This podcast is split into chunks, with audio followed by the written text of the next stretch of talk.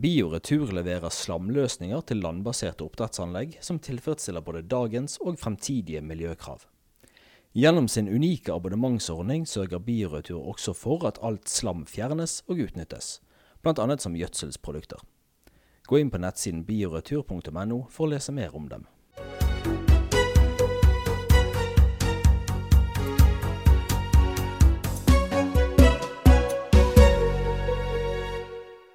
Inkubatorprogrammet Hatch har fått åtte gründerselskaper innen havbruk fra hele verden til å flytte til Bergen i tre måneder. Her skal de få den hjelpen de trenger til å vokse. Med på laget er Aquaspark, et globalt investeringsfond som har spesialisert seg på havbruk, og som har investert i Hatch. Dette er Tekfisk, podkasten om teknologi og forskning i sjømatnæringen. Jeg heter Camilla Odland, og i dag har jeg med meg Dealflow-manager Tom Prins i Aquaspark og utviklingsdirektør Georg Bauner i Hatch. Og praten vår, den er på engelsk. So Aquaspark is a very mission-driven fund, right? So the founders of Aquaspark have a sort of shared passion for ocean conservation, and out of that passion, they figured that what was really needed in order to, you know, like release that pressure from the oceans and, and, and, and feed a growing world population, they, they found that what was missing was an investment platform to invest in sustainable aquaculture. And that's um, why they decided to, to start Aquaspark. And what kind of companies have uh, Aquaspark invested in so far? Mm. Yeah, so so we invest all across the aquaculture value chain, right? So we invest from feed ingredients to farming operations to market access as well. Um, so far, we have 12 companies in the portfolio, really across the spectrum, um, across the world, and across geographies as well. Um, so, to give you a couple of examples, we've invested in, you know, solving the industry's challenges, right? So we've got two companies in the portfolio that provide alternatives to fish meal. One company um, called Protix from the Netherlands, producing insect ingredients um, and another company called Calysta from the United, United States, producing single cell proteins, also with the potential to replace fish meal from aqua diets. Um, and that's just one example of where we've sort of made a great effort of improving current practices in the industry. Now, if you look at the wider portfolio, we've also got great farming operations in the portfolio. So we've got a farm here in Norway called Sogn Aqua farming halibut. We've got an Arctic char farm on Iceland, a land-based Arctic char farm uh, on Iceland, um, which is also like a best-in-class farming operation. So we really look for best-in-class farming operations. And you also in invested in Hatch. And Georg, what did that mean to you?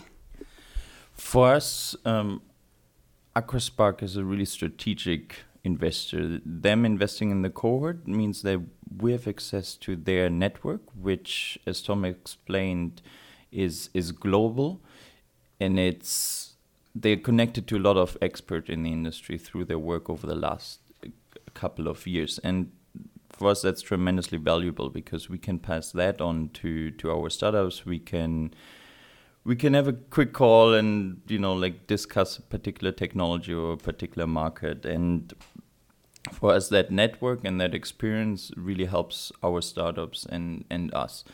And i think is a strong partner for us. It's it's from my perspective the the largest venture capitalist in aquaculture with a global footprint. And we want to be global we want to be aquaculture. And it's uh, i think we fit in really well in the in their value chain because they invest series b series a they want to they want to have at least some some revenue and a more established company than we work with so our mission is to build companies up to a point where they if they want to take investment in um, can go to Aquaspark and are an attractive uh, investment opportunity. And right now you have eight companies here in Bergen, and they've been here since Easter and staying on for three months. Uh, how has it been so far? It has been a hell of a ride. so we we these eight companies come from seven different nations. So just getting them here was a um, bit of a logistical challenge, but we managed well, I think, and it's it's really awesome to to have you know, companies from all over the world here with their knowledge from their home markets, with their different culture, with their different approach to to to things. So for us, it's it's it's intense. Mm, it's it's tiring, but I think it's it's a lot of fun and super rewarding to to work with them and see them develop in a really short amount of time. And we can clearly see where they were when we took them in, when we when we looked at them before we accepted them, and now we're 31 days into the program, and I think we we see some really good progress, and that's really giving. You know, we were building up that place here and preparing everything and dealing with investors and so on and so forth, and then at some point you, we we started working with them, and that's what we really want to do, and it's a lot of fun. And how's the feedback from the participants so far?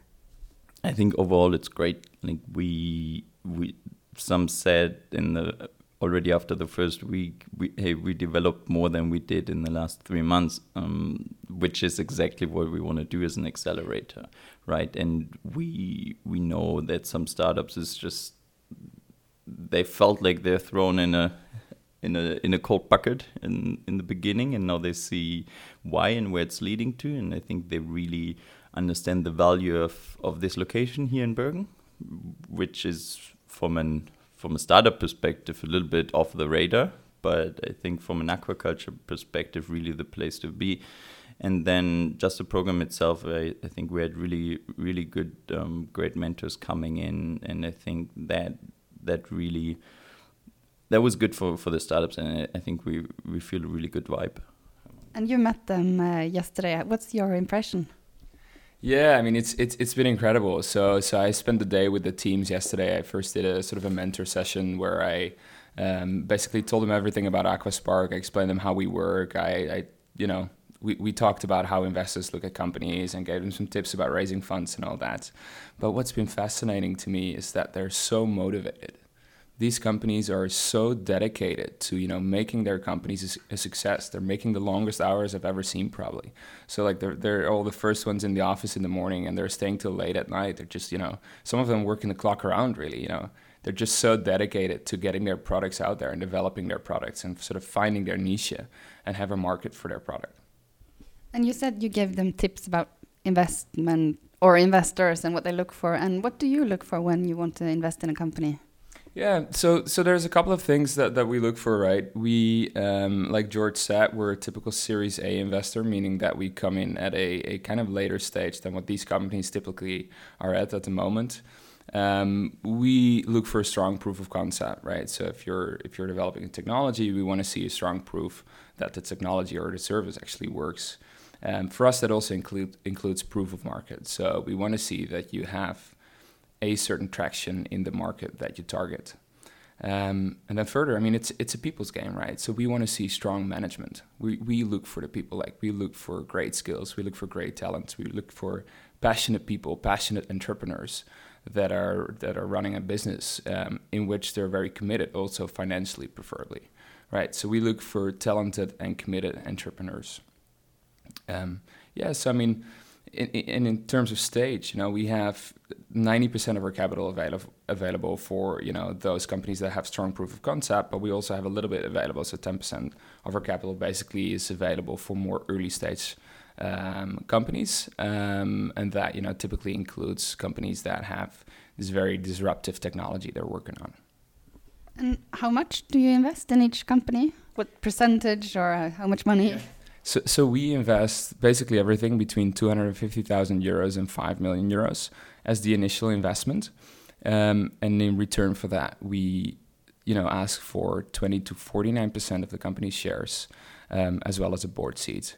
Now, this this is the initial investment, but we, you know, we are a long-term strategic and financial partners, so we also do follow-on investments in our companies, um, and these follow-on investments also can range between sort of that spectrum that I mentioned. And does it pay off so far? I can't I really comment on that, but our companies are doing very well. They're doing very well, yeah. Yeah, but what do you expect from your companies in return from the investment? Just making money? In, in, in terms of performance? I mean, we, we expect them to be very dedicated. You know, we expect them to, to give it their best, and we, we expect them to eventually, you know, provide a market rate return you know so we we we look for market rate returns compared to the rest of the seafood industry seafood industry and preferably better of course And so you both work with kind of young companies in the aquaculture. Do you see any trends in what the young companies now focus on, Georg? Yes, I think there's clearly a trend to to using more data on the farm.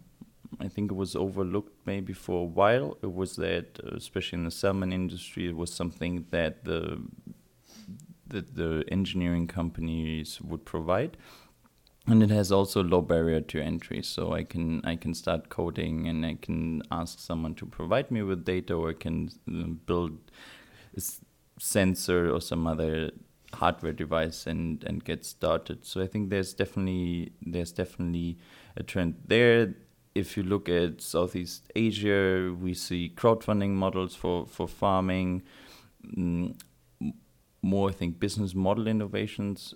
Yeah, I think, and of course, there are the typical ones: insect-based proteins, algae, but they are they are there for a while. How, how about you? Yeah, well, the same same as yours. I mean, those are really legit trends that we're seeing as well. In addition to that, I think we see some sort of geographical diversification in, in the deal flow that we get in, right? So we we see that certain countries are really picking up in terms of production. So we see, for example, you know, great farming operations coming out of Brazil all of a sudden. You know, we didn't have a lot of deal flow from Brazil. Now all of a sudden that is really picking up. What we also see is that China is really opening up. You know, China has always been this like black box in terms of aquaculture, right? Like the far majority of, of produce comes from that country basically, but not a lot of people actually knew a lot about it. And now that is really opening up. So we learn more about the producers, we learn more about the practices in the country, but we also see that a lot of the startups here in Europe or in North America are actually targeting the Chinese market. Yeah, I think if I can jump in on that, we originally expected to to have in this current cohort almost only North American and European startups. We have three startups now from the states, uh, from from Asia, including from India, Indonesia, and Thailand. And I think for for us, it was really good to see that traditionally there was the R&D institutes in Europe and the States providing new external innovation to, to the industry, but now we really have a people that know their markets coming up with solutions, which I think is a really good combination. And here in Norway, it's salmon farming. That's the big thing. You have any advice for the salmon farmers here? What they should like kind of focus on, or the how to pick up on new trends? Uh, Tom. I, mean, embrace innovation. Like, there's so if you just walk around there, there's so many smart kids working on great products and services. Like, embrace innovation. Like, be very active in engaging with the startup community. There's just so much great stuff going on. If you look at the feed side, if you look at like digitalization, uh, you know, improved farm management, uh, you know, diagnostic tools. Like, there's so much innovative stuff going on. Like, for the for the big salmon corporates, like, you know, engage with these startups. I think what Tom said take your problem, let the community of entrepreneurs um, know about it, and then work with them to, to solve it. I think traditionally the suppliers of the industry are more open to innovation because the, the salmon farmers they have a tough job and they need to focus on, on farming salmon, right? And I understand that. But with a couple of new technologies like land based farming, lab grown fish or something, there's a potential to really disrupt that. And then the high barrier of having the concession is not is not protective anymore. So if we talk about disruptive innovation, then I think there's a high need for, for some, or there's a high risk for salmon farmers to get disrupted. So then a high need to work with completely new technologies. Otherwise, I think it's more the suppliers that bring in the new, you know, smaller step innovations into into the industry.